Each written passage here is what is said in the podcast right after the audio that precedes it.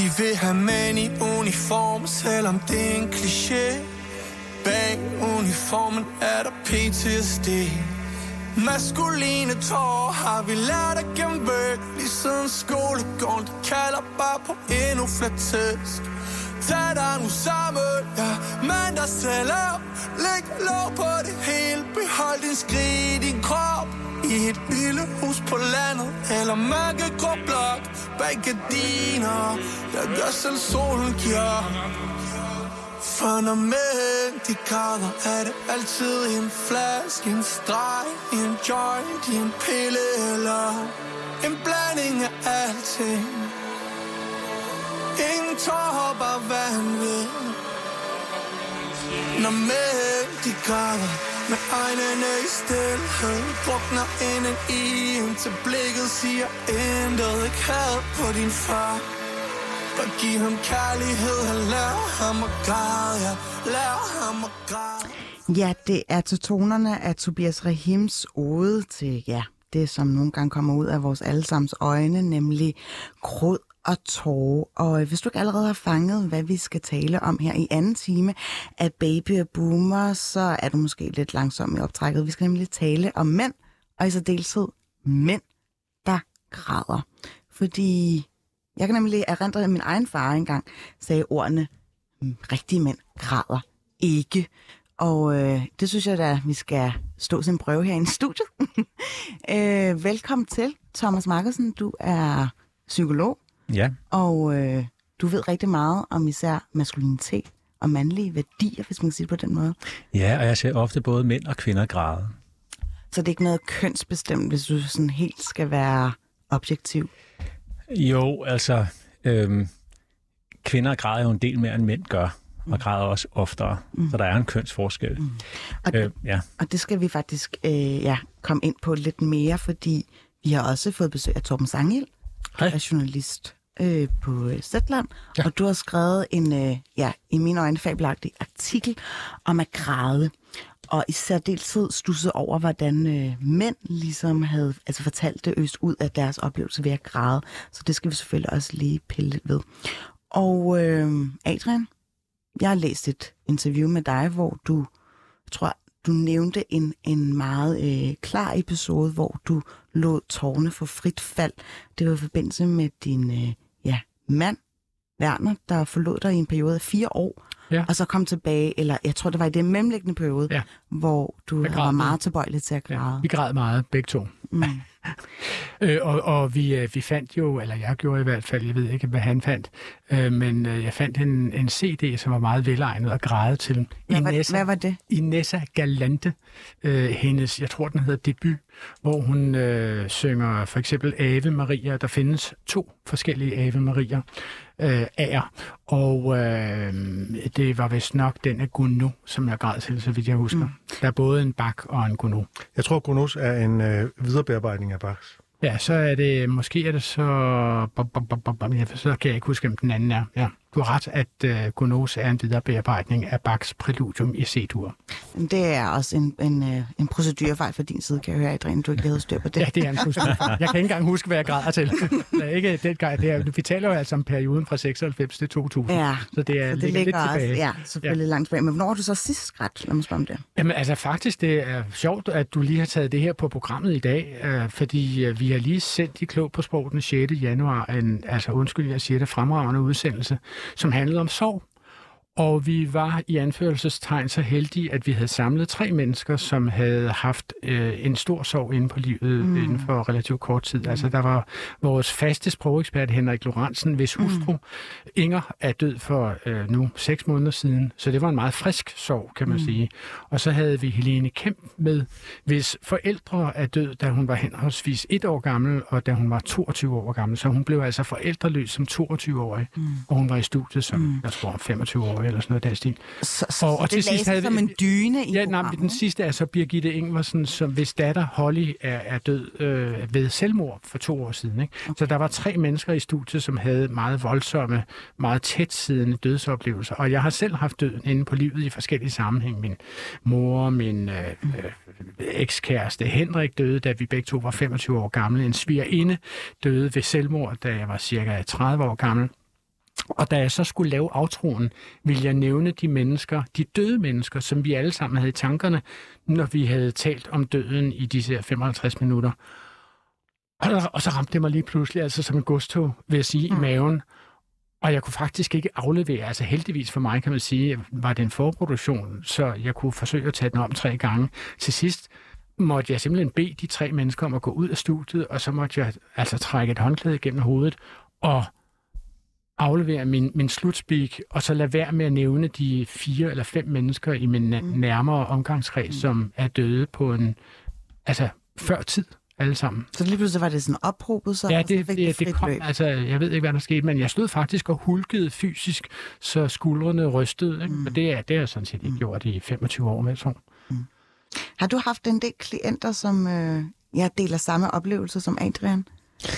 Øh, der er nogen, som øh, tænker i hvert fald, at de har brug for at græde for at lade nogle, øh, det er som mit billede, lade nogle gamle strukturer falde. Øh, jeg kan godt lide et billede, der bryder sammen. Der er et eller andet, der skal falde. Øh, og derfor er der mange, der går i terapi og forventer eller ønsker øh, at græde. Og der kan man så som Og psykolog... der du fremkalder væsken til deres grød, eller hvordan? Ja, men der er man som psykolog også fanget i sådan et spil mellem, at man gerne skal give noget empowerment. Også nogle gange helt fra starten af. Og især hvis folk har grædt rigtig, rigtig meget derhjemme. Mm. Øh, men man kan godt øh, bare bruge tavshed og sige, og sige, gå ind i smerten, fordi hvis de nu ikke har rigtig grædt, og det kan være vigtigt for dem, Mm. så kan man godt øh, fremkalde det lidt. Man kan godt sætte scenen for det. Jeg skal lige spørge sådan af ren og skær nysgerrighed. Er det nemmere for jer at græde foran ja, venner og bekendt eller familie for den sags skyld, end at græde over for nogen, I slet ikke kender? Ja, i den forstand, at det er nemmere, at det er en rar oplevelse at gøre, og det er der faktisk også noget af den forskning, som jeg øh, har hivet fat i i min artikel, der peger på, at den, den situation, hvor gråd er mest forløsende, det er, hvor du sidder sammen med en anden person, som du er tryg ved, og som giver dig omsorg i situationen, så får det den der virkelig forløsende effekt, mens den værste situation, det er for eksempel at græde foran sine kolleger i en situation, hvor man skammer sig over det. Det er simpelthen den værst tænkelige situation. Altså Rit Bjerregaard i Trafikministeriet, der hun Ja, blev for eksempel. Det tror jeg ikke, hun havde det godt med. Nej. Og, øh, hun, Det har hun- det er den vist også hævet gennem medierne i øh, rigtig mange gange. det, der endnu ikke Men det er shitstorm. fordi at jeg kan da huske Lars Lykke, da han ligesom sagde det der med, nu er øh, nøglerne til statsministeriet kun til lån, så man kunne se, at han virkelig kæmpede med at holde øh, tårne tilbage, og alle var sådan her, åh Lars, vi kommer til at savne dig. Er du sikker på det, Phyllis? Var det ikke- han har grædt over at give nøglerne til statsministeriet Men jeg- fra sig? Var det ikke det, der var situationen dengang? Eller forstå mig ret, det var Ja, i hvert fald en, ikke, hvor han- stod på scenen, og det, Venstre var gået tilbage. Men det, det græder partiledere jo ikke over. Det er altså, Altså, ret sikker på, at han Nå. stod og Det, kampsvedte, det, det og er så vi kunne man nødt til at se google lidt senere. øh, øjnene. Jamen, den, den, Okay, den tager vi gerne til. Ja. Ja. Det er godt med en, Folk, øh, folk, folk på en sms'er ind. præcisering. Ja, folk må meget gerne sende øh, billeder af Lars Løkke, der græder. Altså, jeg vil faktisk sige, hvis man kan tale om det udskamning af det der med at græde. Ja. Hvis en statsminister taber et valg og græder over det, så er han en wimp. Altså, det synes jeg ikke er socialt acceptabelt. Det er simpelthen ikke der, man må græde. Hvad siger du, Tom? Øhm, jeg, nu jeg tror faktisk, der skal, regler op. Nå, Tom, Tom, Jamen, jeg tror, der er sket rigtig meget over de sidste 5-10 år øh, med hensyn til, hvordan vi har det med mænd, der græder offentligt. Hvis man tager den her øh, stangvare-kultleder for, for mandebevægelser, Jordan Peterson, han græder jo rigtig meget. Og noget, jeg selv synes var rigtig interessant, nu taler jeg med kunst, altså klassisk musik. Øh, alle vores største actionhelte fra den postmoderne 80'er og 90'er tid, de har haft film, hvor de sådan bryder sammen og er svage. Selv Rambo. Rambo, ja, præcis, hvor han er politimand, ikke? Nå, ja, Øh, og, og Nej, Van han er, Damme han har er, en- han er Vietnam-veteran, ikke? I Nej, nej, nej, det, det, det, nej, det er en anden film, hvor Nå, han, en undskyld. senere film, hvor han spiller ret godt, og han bryder sammen. Van Damme har Men gjort Rambo det, græder øh, Jackie. Chan har gjort det. Øh, De har alle sammen produceret nogle film, hvor de var... var så, så jeg tror, der er noget, der ændrer sig Okay. øh, over de sidste måske 10 år. Og, og hvad er det? øh, Vil du lige Ja, det er bare i forhold til politikere, fordi at, at øh, det der er, det er, at den gråd, som folk ikke kan snuppe, det er, hvis de øh, oplever, at den er manipulerende. Altså, mm. det er en kalkuleret gråd. Og det tror jeg er grunden til, at øh, fordi alt, hvad politikere gør, bliver tolket som strategi ja. Og spænd ja. og sådan noget. Ja. Så hvis en politiker græder, så er der enormt mange, der har en, en mistanke om, at de ja. gør det for at få sympati. Altså og for så eksempel falder hammeren Mette Frederiksen, ja. som stod På på, en minkfarm Ja. og, og havde mødt en minkfarmer, som rent faktisk havde fået ødelagt hele sit og øh, sine forældres øh, arbejde og erhverv gennem flere generationer. Og tænkte du, det var orkestreret, Adrian? Altså, jeg holder mere af Mette Frederiksen end for eksempel, ja, så mange andre gør, mm. og jeg mente sådan set ikke, at det var øh, manipulerende. Men jeg vil ikke udelukke, at hun har tænkt, at i en meget, meget følelsesmæssig oprørt situation, at hun, hun kan have sluppet lidt på bremsen, fordi hun har tænkt, det burde ikke komme hende til skade. Mm. Altså for eksempel er jeg ret overbevist om, at Hillary Clinton lød, som om hun græd, da hun er en under den præsidentvalgkamp, som hun tabte, øh, blev spurgt, om ikke det var hårdt at være Hillary Clinton. Og så svarede hun, at jo, rent faktisk er det lidt hårdt en gang imellem. Og det er jo kun fordi, jeg mener noget i forvejen om Hillary Clinton. Det er jo ikke fordi, jeg kender hendes personlighed. Eller Men det tjener jo altså det fordel, fordi det der billede med den her isdronning, Ja. ja. har begyndt jo at krakelere. Ja, ja, ja. Men der er også en teori om, at gråd øh, er meget autentisk, og en af de årsager til, at vi græder, det er, at det viser autenticitet og skaber mm. bedre nærvær og, og relationer. Så det er et højt spil for politikere måske. Mm. Hvis en politiker så kan græde, og man fornemmer, at det er autentisk, så kan de vinde rigtig meget. Mm. Jeg tror også, man nogle gange overvurderer deres skuespillerevner i forhold til at, at græde. Jeg tror ikke, Mette Frederiksen er så god en skuespiller, men det er jo rigtigt, at altså, man kan jo godt blive overvældet af en situation, og så alligevel fylder det ikke meget i ens liv, fordi lige her og nu, altså det er jo det, vi kalder sentimentalitet, som en form for overfladisk gråd. Ikke? Altså, nu vil jeg gerne grædbøje det der med at spille skuespil, ikke? fordi jeg er studievært, og studieværter spiller jo også skuespil. Altså, hvis jeg har interviewet folk i forvejen, så skal jeg stadigvæk lade som om, at jeg bliver kolossalt overrasket, når de fortæller mig et eller andet epokegørende foran den snorende mikrofon eller den åbne mikrofon. Men vil du også kunne græde? Ja, fordi jeg havde jo for eksempel Anne-Grethe Bjarup Ries i studiet lige efter, hun havde lavet den første Hvidstensgruppe film. Ja. Og det var jo ved Gud en meget, meget øh, gribende film, fordi det er en ved Gud meget, meget gribende historie, altså nogle mennesker, som giver deres liv for at stå på den rette side af historien, når historiens dom falder. Altså, de var modstandsfolk der i Hvidstensgruppen, ikke? og de øh, mændene endte jo med at øh, øh, møde en øh, henrettelsespeloton øh, øh, i, på Kastellet, eller hvor det nu var, ikke? eller på, det ydre Christiania. Nå, men altså, det var en stærkt gribende film, men jeg kunne også mærke, at jeg blev faktisk grebet af at tale om den film, men jeg tænkte også, nu er jeg sammen med Anne-Grethe Bjarup Riis. Det vil ikke se dårligt ud, altså hvis jeg slipper den lidt løs her. Det nåede du simpelthen at kalkulere. Jeg er professionel, Felice. Men jeg tror, det er en god formulering at sige, at man kan, man kan trykke på bremsen, og man kan, man kan slække på Ja, bremsen, ja. snarere end at man sådan bare kan, man, man er fuldstændig ligeglad, og så, fordi du blev jo lidt rørt alligevel. Mm, Ikke? mm, Altså, der var et eller andet. Det vagte et eller andet i dig, for at du kunne gøre det, er det ikke rigtigt?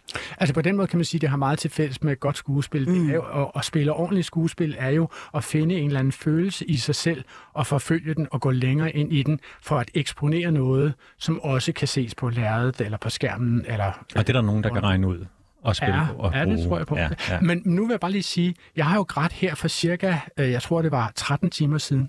Og det er jo fordi, jeg har siddet i et fly hjem, øh, på vej hjem fra Kerala i Sydindien, og der er jo alle mulige tilbud i sådan en stor øh, øh, Ja.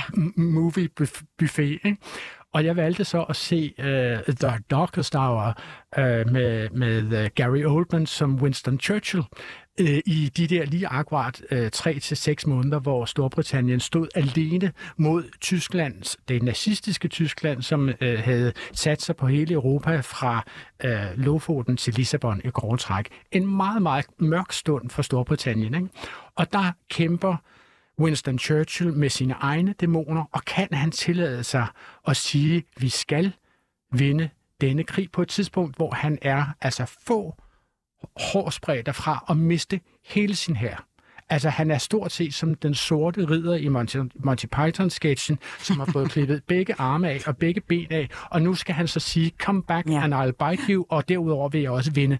Kunne du genkende dig selv i det? Nej, det kunne jeg ikke, men, men det er jo en historie om Storbritannien, vi alle sammen kender. Og så havde det en forløsende... Og jeg sidder jo der i flysædet, selvom det er verdens mest crappy lyd, der er i de der hovedtelefoner, mm. ikke? Og jeg tænkte, tårerne løber simpelthen ned ad kinderne på mig, og jeg tænker, altså, der, er, der er jo sikkert simpelthen, der er en brækpose, men der er jo ikke nogen servietter ved det her flysæde, og jeg sidder helt ude ved vinduet og skal sådan ulejlige to mennesker væk. Altså, blev du for lejen ved tanken om, at folk kunne se, at du sad og, og tudede brølet?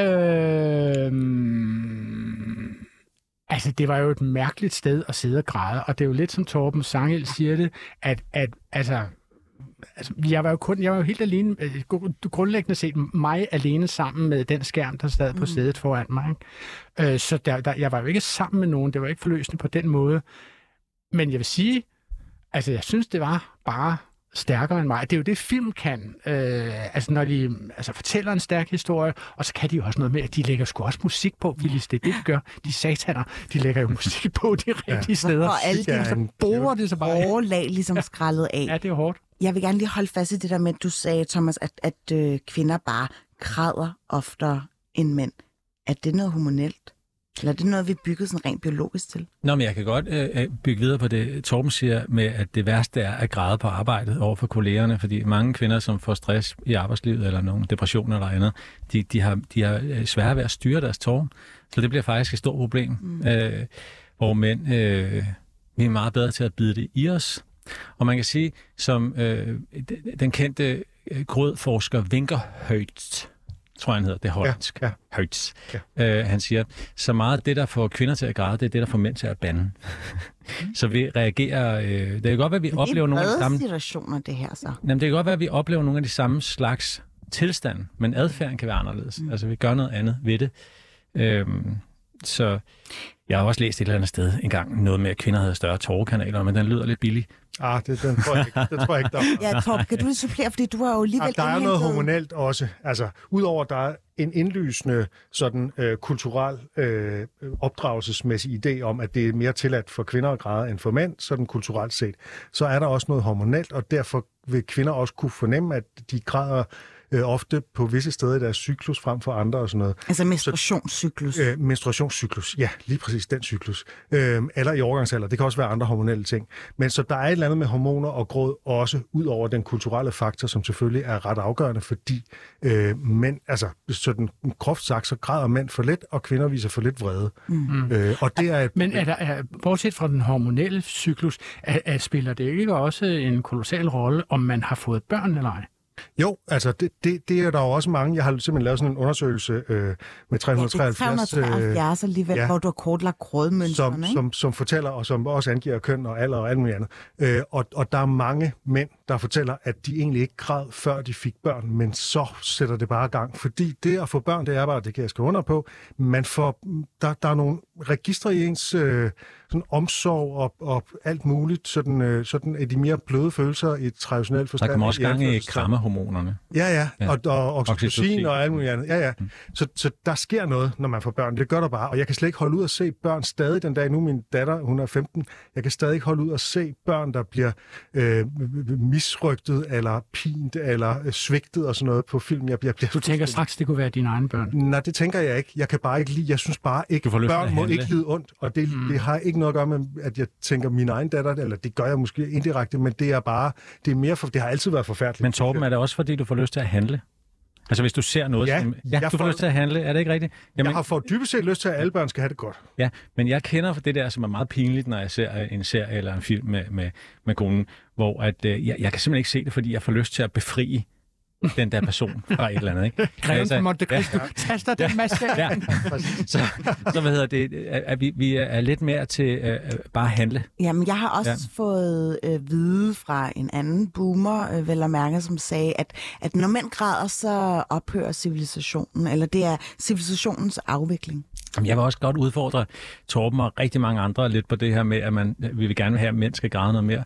Fordi der er jo nogle logikker på spil som er enormt komplekse. Og så må man tænke, hvorfor er de logikker på spil? Hvorfor græder kvinder mere end mænd? Øh, og noget af det, jeg ser i parterapi, det er, at det er vigtigt, at mænd på en eller anden måde kan øh, bevare en eller anden fatning, så kvinderne i højere grad kan øh, udleve og opleve og udtrykke alt muligt, uden af at manden deltager i alle svingningerne. Må, Fordi, er det, er det ja. vigtigt for manden, eller er det vigtigt for kvinden i parterapi? Men det bliver mere, kom, ligesom det bliver mere kompliceret, fordi det handler om hele systemet. Okay. Det vil så sige, øh, noget af det kærligste, en mand kan gøre i parterapi, det er at sidde og lytte. Og uden af at begynde at græde med, eller blive vred, eller diskutere, men rent faktisk være en træmand. Og så må man sige, okay, vent lige lidt, er træmanden god? Ja, nogle gange for nogle ting, på nogle måder. Øh, og så kan man så selvfølgelig sige, det ikke, handler ikke om, at mænd ikke må græde, fordi øh, det, det ville være mærkeligt at diskutere, fordi selvfølgelig, det viser at man er i kontakt med sig selv, og hvis man ikke er i kontakt med sig selv, så er man heller ikke i kontakt med andre, og så går alt galt. Øh, men, men der er nogle logikker på spil i forhold til det her. Mm. Det, det, det, det, og, og det faktisk bygger meget fint videre på, øh, på ja, den fjerde gæst i det her studie, som befinder sig øh, i, et, i, ja, på en anden lokation. Øh, Heider Ansai, er du med på en telefon? Heider Ansai. Kan ja, du lige skrue lidt ned for radioen, så der kommer dobbeltlyd? Radioen, så der kommer dobbeltlyd? Øh, jo, det tror jeg fordi at jeg står her med din artikel. Er det bedre nu? Det er meget bedre nemlig. Jeg står nemlig her øh, fra en øh, artikel, som du har været med til at skrive, som er blevet bragt øh, hos øh, politikken. Og der adresserer du, at det er simpelthen på tide, at mænd græder ud med henvisning til, at øh, du har vokset op med en far, som faktisk aldrig har grædt foran dig. Og det ligesom har været katalyserende for, at du heller aldrig har, har kunne græde, og faktisk mere tid til vold. Mm. Mm. Så kan du, prøv, kan du lige sætte et par ord på, øh, altså det der med at græde for dig, er det stadig pisse svært, fordi at du ikke har den der referenceramme til det?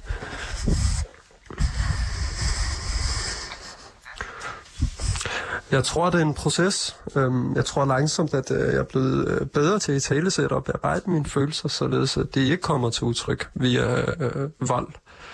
Øhm, det var jo meget det, der var barn, som jeg også skriver i, i artiklen. Altså, så, så bliver man skuffet, og på grund, fordi man bliver skuffet og ikke kan i tale til det, så begynder man at blive vred. Og det kommer så til udtryk fysisk.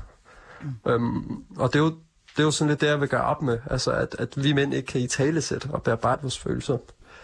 Øhm, nu hørte jeg lige kort, I talte om øh, Lars Lykke, hvis han græd, øh, efter at måtte afgive nøglerne til statsministeriet. Om han så ville være en wimp, Øh, og, og det er jo en del af det problem jo. At vi skal definere og sætte grænser for, hvornår må mænd græde. Øh, det, det er jo grundlæggende det, der er problemet for mig at se, at vi ligesom skal fortælle, mænd, de må kun, altså det er sådan en opfattelse, vi har, mænd må kun græde, hvis der eksempelvis er, er dødsfald i, i de nære relationer. Ellers må mænd ikke græde eller i talesætte øh, deres følelser. Hej, der er Ansari, må jeg spørge så, så jeg dig, synes grundlæggende, at, at vi mænd skal blive bedre til, det er mig, ja, Adrian Hughes her, som med i studiet. Jeg vil bare lige sige, før du begynder, øh, Heider, vi ringer dig lige op på en normal telefonforbindelse, så vi kan have dig lidt mere naturligt igennem. Men du kan stadig stille et spørgsmål, Adrian. Okay, øh, kan jeg, men det er til Heider, øh, jeg gerne vil stille et spørgsmål, øh, som vi må lige få forbindelse med ham igen og høre, om han kan høre mit spørgsmål. Mit spørgsmål er, om Heider Ansari ville have øh, respekt for Lars Løkke Rasmussen, hvis Lars Løkke Rasmussen stod og græd når han havde tabt et folketingsvalg. Mm. Hvad siger du til det, Heider? Nu på en uh, mere klar telefonforbindelse. Spørgsmål. Spørgsmålet lød, om du vil få mere respekt Øh... Altså, ville du have, det er mig, Adrian, som stiller spørgsmål, ja. ville du have respekt for Lars Løkke Rasmussen, hvis han reagerede på et tab af stemmer i et folketingsvalg ved at græde over det? Ja, det vil jeg, fordi grundlæggende så handler det i virkeligheden om sorg øh, en, en sorg over måske ikke at have præsteret det, man, man ligesom tænkte, man ville præstere. Okay. Øhm, altså man, man kunne jo sige, hvis det udelukkende handlede om, om ikke at, at være statsminister, men, men det handler jo grundlæggende om ikke at kunne realisere sig selv. Og det afføder jo en sorg, når man mislykkes i det. Øhm, og, og det afføder jo nogle følelser. Fordi, altså, hvordan ville man reagere, hvis det var hele Thorning, der græd efter at afgive nøglerne? Så ville vi jo ikke have den her. Altså, kan vi blive enige om det? Nej, altså, altså, nej for, mig, for mig er det et spørgsmål om, om en proportionalitet mellem den modgang, man har, og så det meget stærke virkemiddel, det er at komme til at græde over det. Altså, og der er jo, vi er jo på, øh, øh, øh på en eller anden grad, på en eller anden stige af forskellige øh, øh, trakasserier, man kan løbe ind i på sin vej. Altså, jeg vil ikke have respekt for et menneske, som græder over, at vedkommende er snublet over en stribe i fortorvet, for eksempel. Ikke? Nu har jeg lige googlet for jeg var lige finde ud af, om der var hold i det her med, at øh, han lod tårne for frit løb øh, med øh, nøglerne til statsministeriet. Men noget af det, der kommer Men- op, men- det er, at han græd i metroen. Er det, er det legitimt Græd nok? i metroen. Han græd altså, i vej Til og metroen. fra, hvad? Øh, fordi at de må tage afsked med familiehunden, som de havde fået aflivet. Det er jo noget helt andet. Altså. Det er det personlige domæne. Ja, ja, det er noget, altså man har jo et stærkt følelsesmæssigt forhold til sin hund. Folk, som mister en hund, synes jo, at de har mistet et Men hvorfor er det mere legitimt? Fordi det, altså, der er jo dybe, dybe personlige relationer og følelser forbundet med at miste et kæledyr, man har været sammen med i 13 år.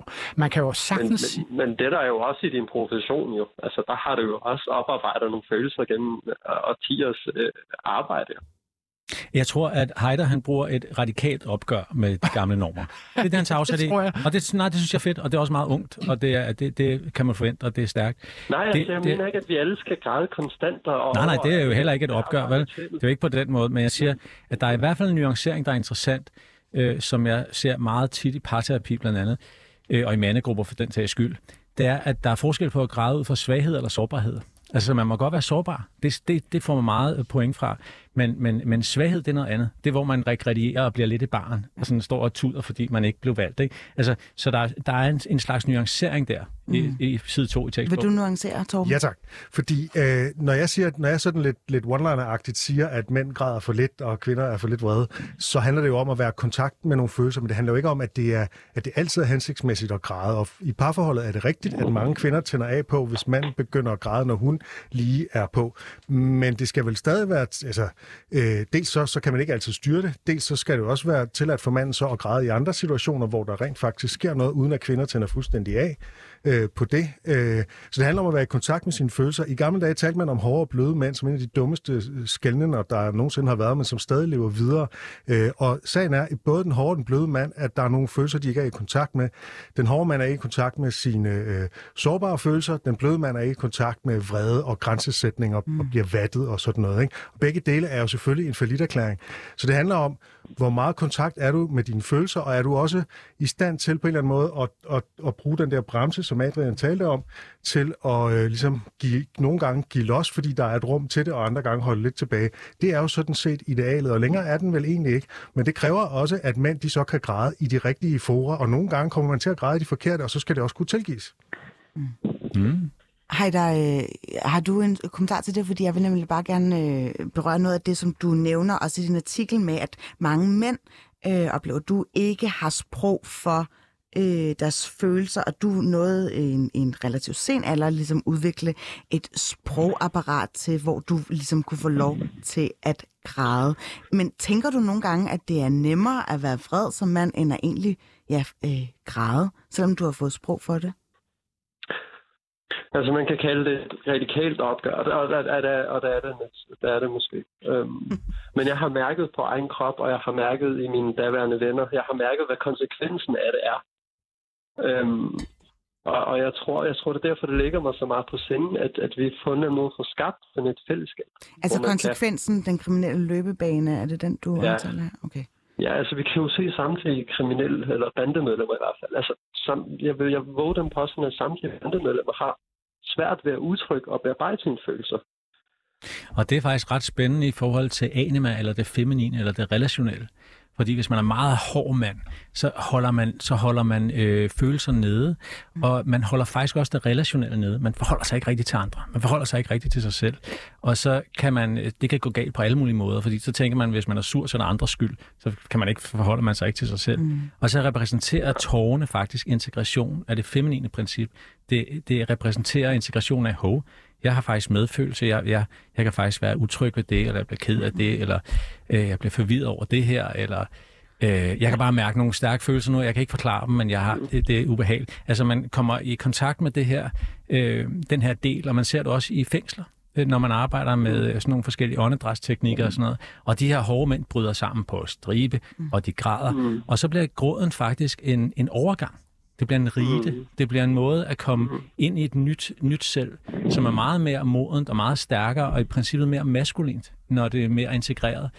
Og det ser man Mm. ofte i mandegrupper. Man, leder, man respekterer de her gutter, der græder vildt meget. Vi vil smadre gerne bare Og det er høre jo om bandemedlemmers nedbryde de problemer. maskuline idealer. Jo. Jamen, det er, kom, det er virkelig kompliceret, fordi som mand bliver man ikke mindre maskulin i mit, i, i sådan som jeg forstår det, af at man kan forholde sig til sine følelser. Tværtimod bliver mænd, der kan det, det er sådan nogle, vi ser lidt mere... Jamen, det kommer an på, hvor gammel du er, din subkultur, ja, og så videre, og så videre, og så videre. Øh, altså, nu har jeg lige brugt de sidste, seneste fem år i øh, diverse ungdomsfængsler og egentlige fængsler. Ja. Og jeg vil sige, altså, der har jeg mødt en kultur, hvor de her forstokkede maskuline idealer, øh, og de ekstreme af dem. Men der skal man også forsvare Ja, sig selv hele tiden. Man skal være på vagt, ikke? Man er ikke rigtig tryg. Jo, jo, jo. Ja, præcis. Men du har jo ret i, før eller siden, så brister ballonen, og så Ja. knækker man sammen og græder. Men man Og så er der udvikling i det, ikke, Heider? Og der er nogen, der lige her presser på i studiet. Jamen, må, må jeg spørge dig. Heider Ansari? Altså, du har jo været en udvikling igennem, hvor du blev dømt for øh, vold ved et knivstikkeri, så vidt jeg husker, øh, og det er derfor, du har siddet disse fem år i fængsel. Har, og, og, og nu har du jo så skrevet en bog, så vidt jeg husker, på Gyldendal. Altså, har du været en udvikling igennem, hvor du blandt andet har grædt meget og er kommet i kontakt med øh, andre sider af din personlighed, end du havde da, på det tidspunkt, hvor du blev dømt for vold? Ja, det har jeg. Det har jeg. Og, og, det, og det er jo også det, altså det øh, indlæg for Leslie altså det er, jo, det er jo også det, jeg taler om det. Og mit første møde med en psykolog, og hvordan, altså når jeg først begynder at kunne, kunne bearbejde mine følelser, og, og om ikke andet begribe dem, altså, så kan man jo lige pludselig forstå sin adfærd, og deraf kan man ændre sin adfærd. Og forstå, okay, nu bliver jeg vred, men hvorfor er det, jeg bliver vred, og hvordan håndterer jeg min vrede? Mm. Har, har du så grædt i fængslet, Heider? Ja, der har jeg. Okay. Ja. Var der vidner til det? Men nej, man sidder jo meget alene. jo. Man sidder 22 timer i selve Ja. Fordi jeg Jamen. tænker, altså, øh, vil, vil det ikke have haft konsekvenser for din sociale status, eller i det hele taget for din sikkerhed i fængslet, hvis andre bandemedlemmer så dig græde? Jo, men det er jo det, jeg prøver at sige med hele det. Det er jo lige præcis det, jeg vil frem til. Det er for, at vi har en kultur, hvor at, at gråd for mænd ikke er socialt acceptabelt. Og det er, jo, det er jo det, vi skal have et opgør imod. Mm. Ja. Men, det, det, men det det er bliver jo vel aldrig socialt acceptabelt i den voldskultur, som er bandekulturen. Altså, det er vel nok det Jo, sidste... det- Hvad? Jo, jo, men altså, det er jo... fair nok. Det er ambitiøst, vil jeg Det sige. være en, øh, en Hvor, hvorfor er det, du tror Ja, men- det, øh, Heider? Hvad, hvad er det for en bølge eller en udvikling, som er gået forbi min store næse? Vi kan, jo, vi kan jo generelt se en fremgang i, øh, i mænd, der i tale sætter følelser. Altså, jeg går også frem med min baggrund og appellerer ligesom til nogle mennesker, normalt ikke er politikens læsersekretær, øhm, og som har mig på de sociale medier og følger med i de ting, jeg laver, og det kan jo øh, på sin vis åbne nogle tanker, give nogle Mm. tanker, og, og på den måde kan vi jo, altså det vigtigste, tror jeg, er, at nogen stiller sig frem og, og gør sig sårbar, og, og prøver ligesom at fremme de her ting. Man ser det også i Øhm, begrebet og så- bromance. Men, men, men, men jeg, siger, altså, jeg siger jo ikke, at, at jeg er oppe på den dybe tallerken, og i morgen så begynder alle øh, bandemedlemmer at græde. Det er jo ikke det, der handler. Men det handler om, at vi langsomt skal opbygge en modkultur. Øhm, og det gør vi jo ved at stille sig frem offentligt til at starte med. Vise, at det er acceptabelt, og vise sågar, at man ikke bliver stemplet som de ting, vi nu stempler mænd, der græder. Så, så bare lige, øh, jeg skal bare lige høre fra eksperten selv. Hvad skal jeg sige til min far, når han stadig står totalt øh, håndfast på, at det der med, øh, med at mænd, rigtige mænd ikke græder, hvad skal jeg sige til ham? Men jeg håber ikke, det er mig, du kalder ekspert. Jeg er på ingen måde nogen ekspert. Det er i hvert fald dig, der har fået et sprog for det, ikke? For. Jo. Men hvad, hvad skal du sige til ham? Jeg tror, det er en proces. Jeg tror, at, øh, at man, man langsomt begynder at opbygge en samtale, hvor man taler om følelser. Øh, det er jeg selv begyndt at tale med mine forældre om følelser. Øhm, og så tror jeg, det er, at, at man naturligvis vil åbne sig op. Altså, det, det er jo det ideelle, jo. Mm. Men, men med din far, det skal jeg ikke kunne sige. Nej, altså det, den eneste gang, jeg har set min far græde, det var faktisk øh, rimelig for nylig, eller det var i forbindelse med Victor Axelsen, der vandt ja, øh, OL-guld, guld hedder det. Og Victor Axelsen begyndte jo selv at stå og græde, og øh, min far græd. Og øh, min, med til historien hører selvfølgelig, at min far selv er en øh, tidligere fodboldspiller, sportsmand, og det, der, det var første gang, jeg så ham græde. Det var i forbindelse med en sportslig præstation, og det, det ved jeg sgu ikke, om jeg skal grine og græde over.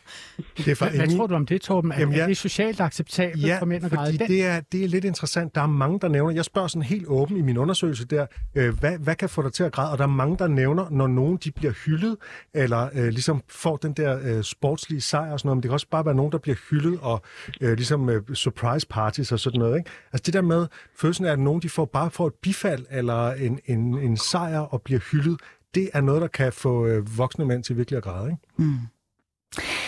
Hej, Sai. Øh, Jeg slipper lige dig, for jeg kunne forstå, at du har en ja. bagkant, men tusind tak, fordi du gad at være med på en telefon fra, fra Jamen, tak din højskole. Øh, digter blandt andet til institutionaliseret, hedder det.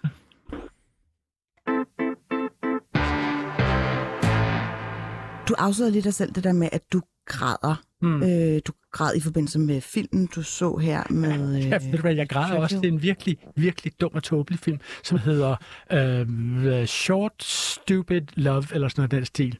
Og, Crazy Stupid Love. Når du kender den, okay, Mm. fedt.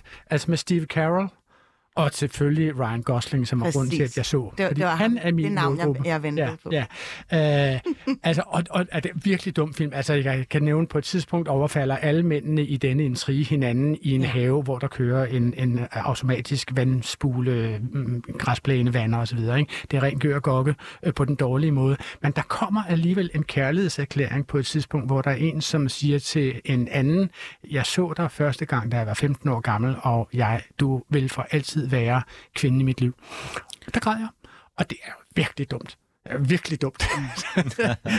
Må- Måske er man bare mere grødlabil i fly. Ja. Det bliver det næste. Eller måske bliver man bare mere grødlabil, når man bliver ældre. Det er jo og det er rigtigt. faktisk lidt Ja. den anden runde, jeg gerne lige vil slå hul på, fordi jeg er jo i gang med at blive tillidsrepræsentant, eller det er jeg i sin funktion her på radioen, og noget af det, jeg har lært, det er, at øh, rigtig mange medarbejdere, især hvis de bliver afskedet, det forstår man jo godt, men især de ældre, de græder. Hvad er det, der sker, Thomas, eller Torben for den sags skyld, når man bliver ældre? Jamen altså, en en af tingene er jo, at man lærer af livet, at det ikke er så farligt at græde. Jeg græd også meget mindre som ung, fordi øh, jeg ligesom synes, jeg skulle holde en eller anden facade, og det var, jeg var bange for, at, at på en eller anden måde, det kunne bruges imod mig, at den der vis sårbarhed, og så har jeg så ligesom lært af livet og af noget terapi og noget, at det er ikke så farligt igen. Og hvis nogen de vil ramme dig, så skal de nok ramme dig øh, under omstændigheder. Mm. Øh, så, så, så der er ligesom bare nu en strategi, hvor jamen altså, det, jeg insisterer på, at min sårbarhed skal være legitim her i verden. Øh, i, i, selvfølgelig i afmålte doser, ikke sådan, jeg skal øh, ligesom bebyrde folk øh, på gaden med den, men, men sådan, I forstår, ikke? Mm. Øh, så det, det tror jeg, og det tror jeg generelt, at folk de finder ud af, når jamen altså, de gange, hvor de er brudt sammen, det gik egentlig meget godt som regel, ikke? Forhåbentlig som regel, ikke? Og det er så øh, måske ikke lige, når man gør det øh, foran alle sine kolleger. Øh, Men du har jo også det der med at græde over film, bare lige for at have det med i en bisætning. Ja, det, det har jeg, og, og min, min øh, absolute øh, grædefilm er American Beauty, og det skriver jeg også om i artiklen. Ja. Øh, den der åndssvage plastikpose, altså apropos åndssvage ting, en plastikpose, der flyver i vinden. Øh, Hvor- hvorfor- hvorfor er det rørende? Jamen, det, det er jo sådan en længere forklaring, fordi Kom med det. plastikposen i sig selv, den bliver ligesom kastet hider. Du kender godt scenen, ikke? Ja, nej, ikke Nej, scenen okay. plastik. Det er en plastikpose, der flyver for en rød mor. Den bliver kastet hid og did, og der er noget meget, meget smuk øh, klavermusik øh, til. Ikke? Og øh, den der måde, den sådan bliver, ligesom, øh, den bliver ved med at blive virvlet rundt. Den lægger sig øh, sådan kun kortvarigt ned. Og det er som om, at den bliver ført med af nogle brutale kræfter, men bare øh, lader sig glide med, i stedet for at, at stride imod. Og det bliver sådan en eller anden... Nu bliver jeg helt rørt, når jeg taler om det. Ja. Men det bliver sådan en eller anden, et eller andet symbol på, lytterne. på det. Nu skal vi lige fortælle lytterne. Torben Sangel står simpelthen med røde øjne bag hans briller. Men altså, der, der er sådan et eller andet i livet, øh, men der er også noget i scenen, øh, så udover det symbolske med selve plastikposen, så er der noget i selve scenen, som handler om, at den, den her person, som har filmet den her plastikpose og fortæller om det for første gang, viser han det til en anden person, som er en pige, som han er begyndt at kæreste lidt med, og han, det, altså, han, er, han, er sådan, han er en særling, han er udenfor, han er anderledes, det kan jeg godt sætte mig ind i, og han øh, oplever, at han betror sig, han viser noget sårbarhed ved at vise den her film, og det bliver mødt af hende der, ikke?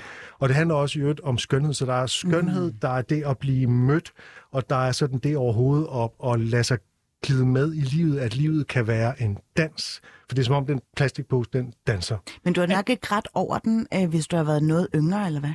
Det er jo svært at forudsige. Jeg har grædt over den alle gange, jeg har set den, og jeg har set den fire gange, og den, den Og sidste så gang, den jeg første så den, gang, Torben? øh, jamen, det var da den kom frem. Øh, øh, 20 år, 30 år siden? Ja, den er fra 98, tror jeg.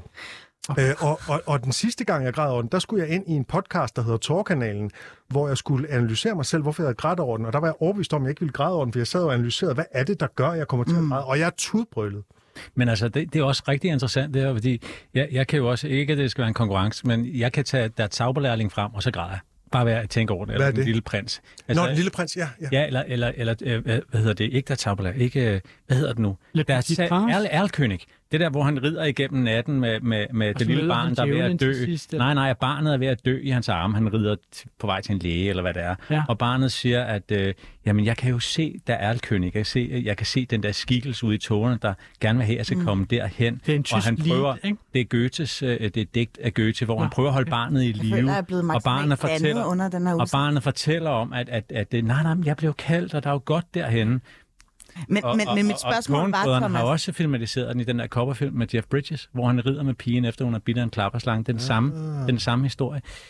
Men pointen er, nej, min pointe er, at vi stadigvæk er mænd, der ikke kan lide at græde, og ikke kan lide usikkerheden Og og, utrygheden ældre. og usikkerheden. Jamen, vi kan bruge kunst. Så kunsten er jo ligesom en, en kasse, en ramme, en beholder, hvor vi kan, der kan rumme vores, vores øh, alt det uafklarede, alt det der nede i det uafgrænselige feminine urhav. Det, det kan rummes af kunsten, når vi bruger kunsten, hvor vi kan...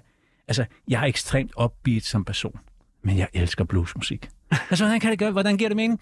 øh, så, så vi kan, vi kan Det, bruge det, det, er her. det der, altså, når du taler om kunst på den måde, Ja. der er for eksempel en hel masse opera, hvor der er nogen, der dør. Det gør de nærmest alle sammen. Det skal de fleste helst. operaer, ikke? Og for eksempel La Bohème, en af verdens mest populære operer, der er en kvinde, som hedder Mimi, som får tuberkulose, og så dør hun til sidst med meget smuk musik til. Så kold langsomt. lille hånd er. Ja, det er den i starten, og til sidst er den jo helt død.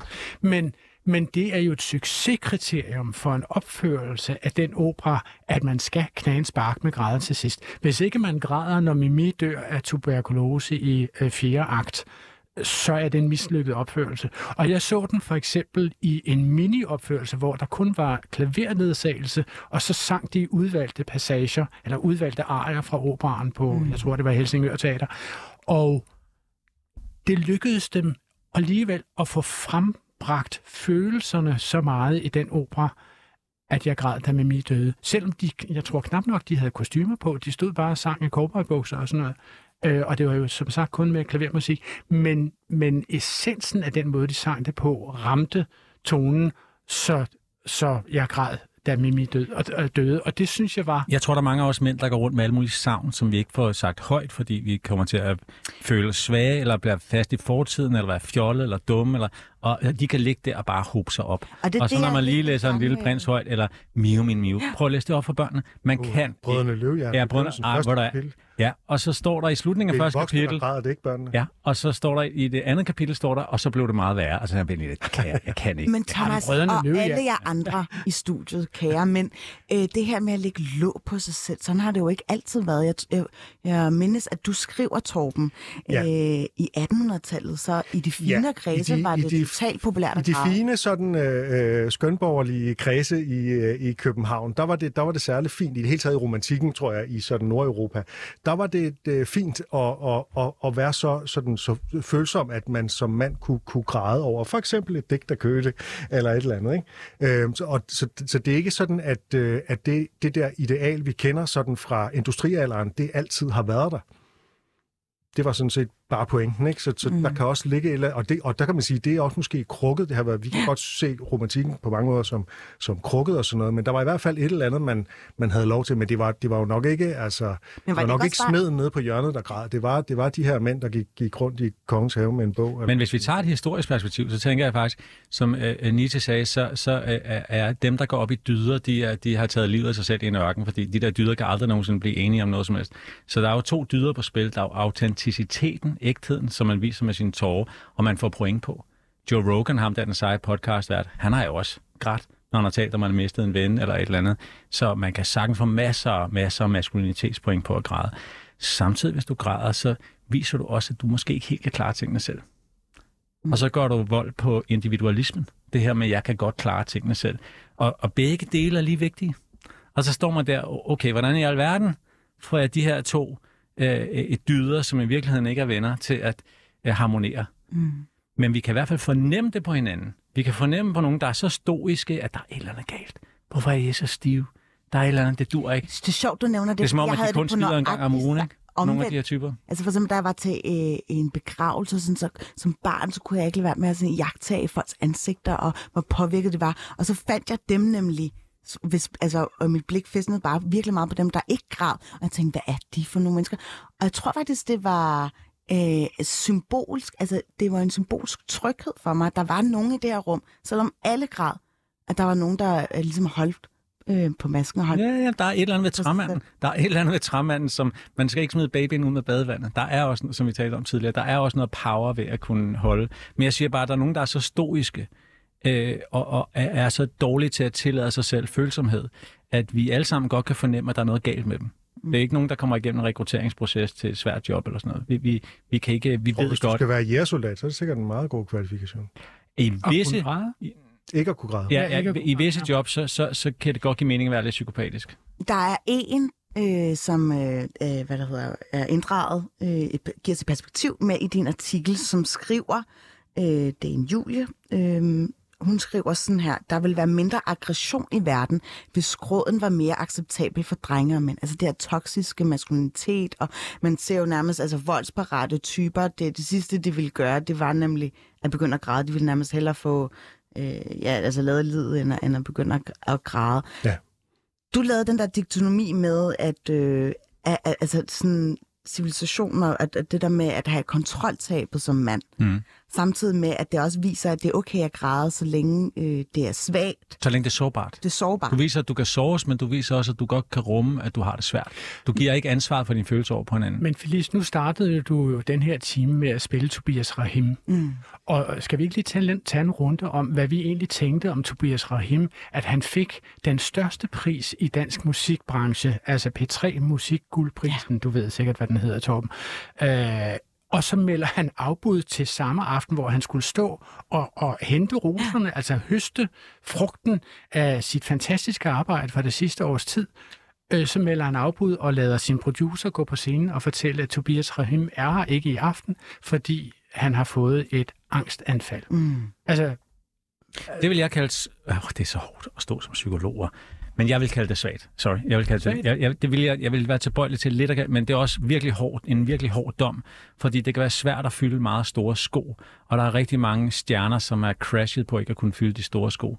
Will Smiths flade, den her flade, han uddelte i Hollywood, mm. jeg tror ikke, han kunne fylde skoene med at tage den Oscar. Der er rigtig mange. Øh, Ronaldo i en øh, Zidane, da han giver en skalle i anden halvleg til, til, til han skal løfte guld. Så der er mange, der crasher lige på kanten. Og jeg er ked af, at jeg kaldte det svagt. Det skurrer godt nok lidt i mine ører, det der, altså at sige, det, det er svagt. Er det ikke bare et råb om hjælp?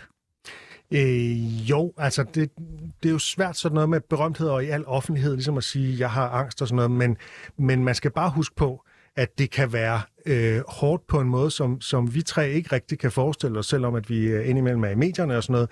Altså, fordi at vi er være, knudmænd. at være, at være en berømthed, øh, pludselig at blive en berømthed på det niveau, som Tobias Rahim er, og skulle optræde med det mm. på scener, live foran tusindvis af mennesker.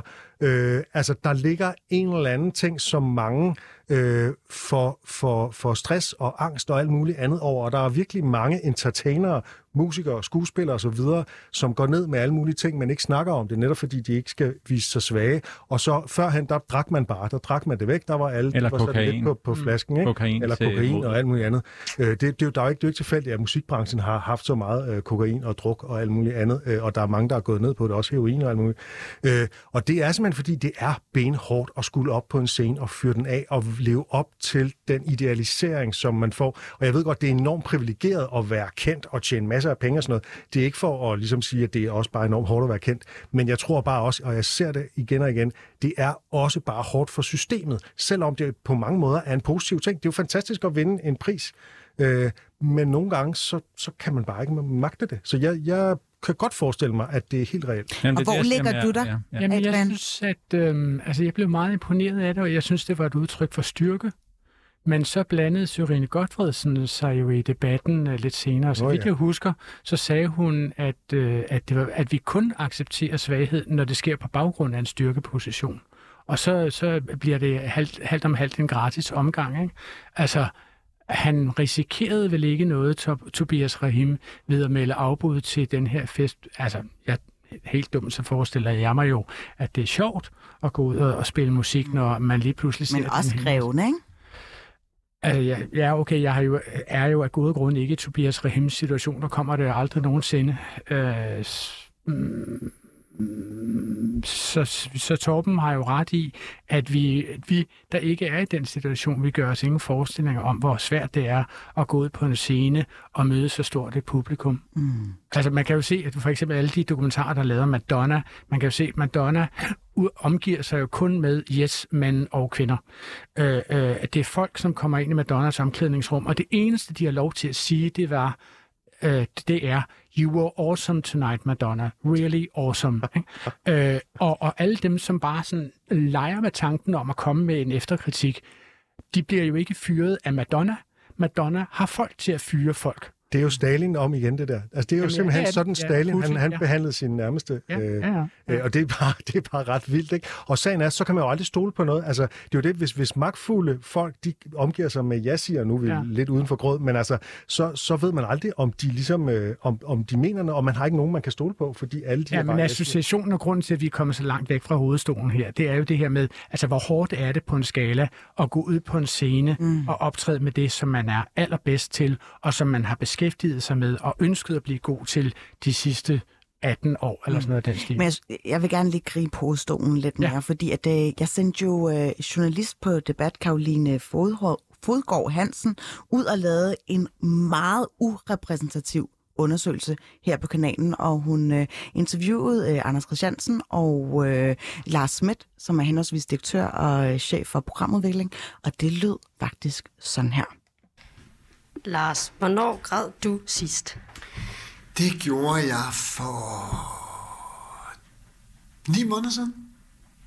Hvorfor græd du? Øhm, jeg mistede øh, en, et menneske, som var meget tæt knyttet til mig. Det var min mor. Den sidste af mine forældre. Så derfor var det en sørgelig dag. Hvordan føles det så at græde? Jamen, det letter jo lidt på følelserne. Det kommer ud. Det er dejligt. Og hvorfor tror du ikke sådan, at du har... Altså, har du grædt siden? Nej, det tror jeg ikke. Jeg tror, jeg græder, når, øh, når følelsesregisteret enten ude i lykke eller i sorg, øh, de, er, de, de er på de yderste på- punkter på den skala. Så tror jeg, at så er jeg nemmest ved øh, at græde. Så det er heller ikke sådan, hvis du ser en film eller et eller andet, at du altså, kan begynde at græde? Nej, det bliver, ikke, det bliver sjældent så påvirket af. Det påvirker ikke så meget personligt. Hvornår har du sidst grædt? Det kan jeg faktisk ikke huske. Jeg ved, jeg græd, da min farfar døde, men det er fandme mange år siden. Det er 19 år siden. Jeg ved, jeg har grædt siden, men jeg kan ikke huske. Jeg kan ikke huske det. Øhm, jeg græder mest, når... Altså, når der er et eller andet rørende. Altså, nogen, der gør noget godt, eller noget sådan noget uselvisk. Øhm, film, for eksempel. Så hvilken film kan du græde til? Ja, men jeg kan ikke sige en bestemt. Jeg kan ikke huske. Øhm, jeg er jo så gammel, ikke? Livet er smukt. Kan du huske den? Det er en italiensk film, der vandt masser af Oscar. Øhm, med, en, med en far, der kommer med sin søn i koncentrationslejr, men så bilder han sønnen ind, at det hele det er et teaterstykke. Det var noget, de leger, øhm, for at sønnen ikke skal opleve, hvor slemt det er. Og, så, og til aller, aller sidst, så vælger faren at fjolle, øh, velvidende, at han vil blive skudt, men for at redde drengen. Der kan jeg huske, der, der græd virkelig meget, men det er også mange år siden efterhånden.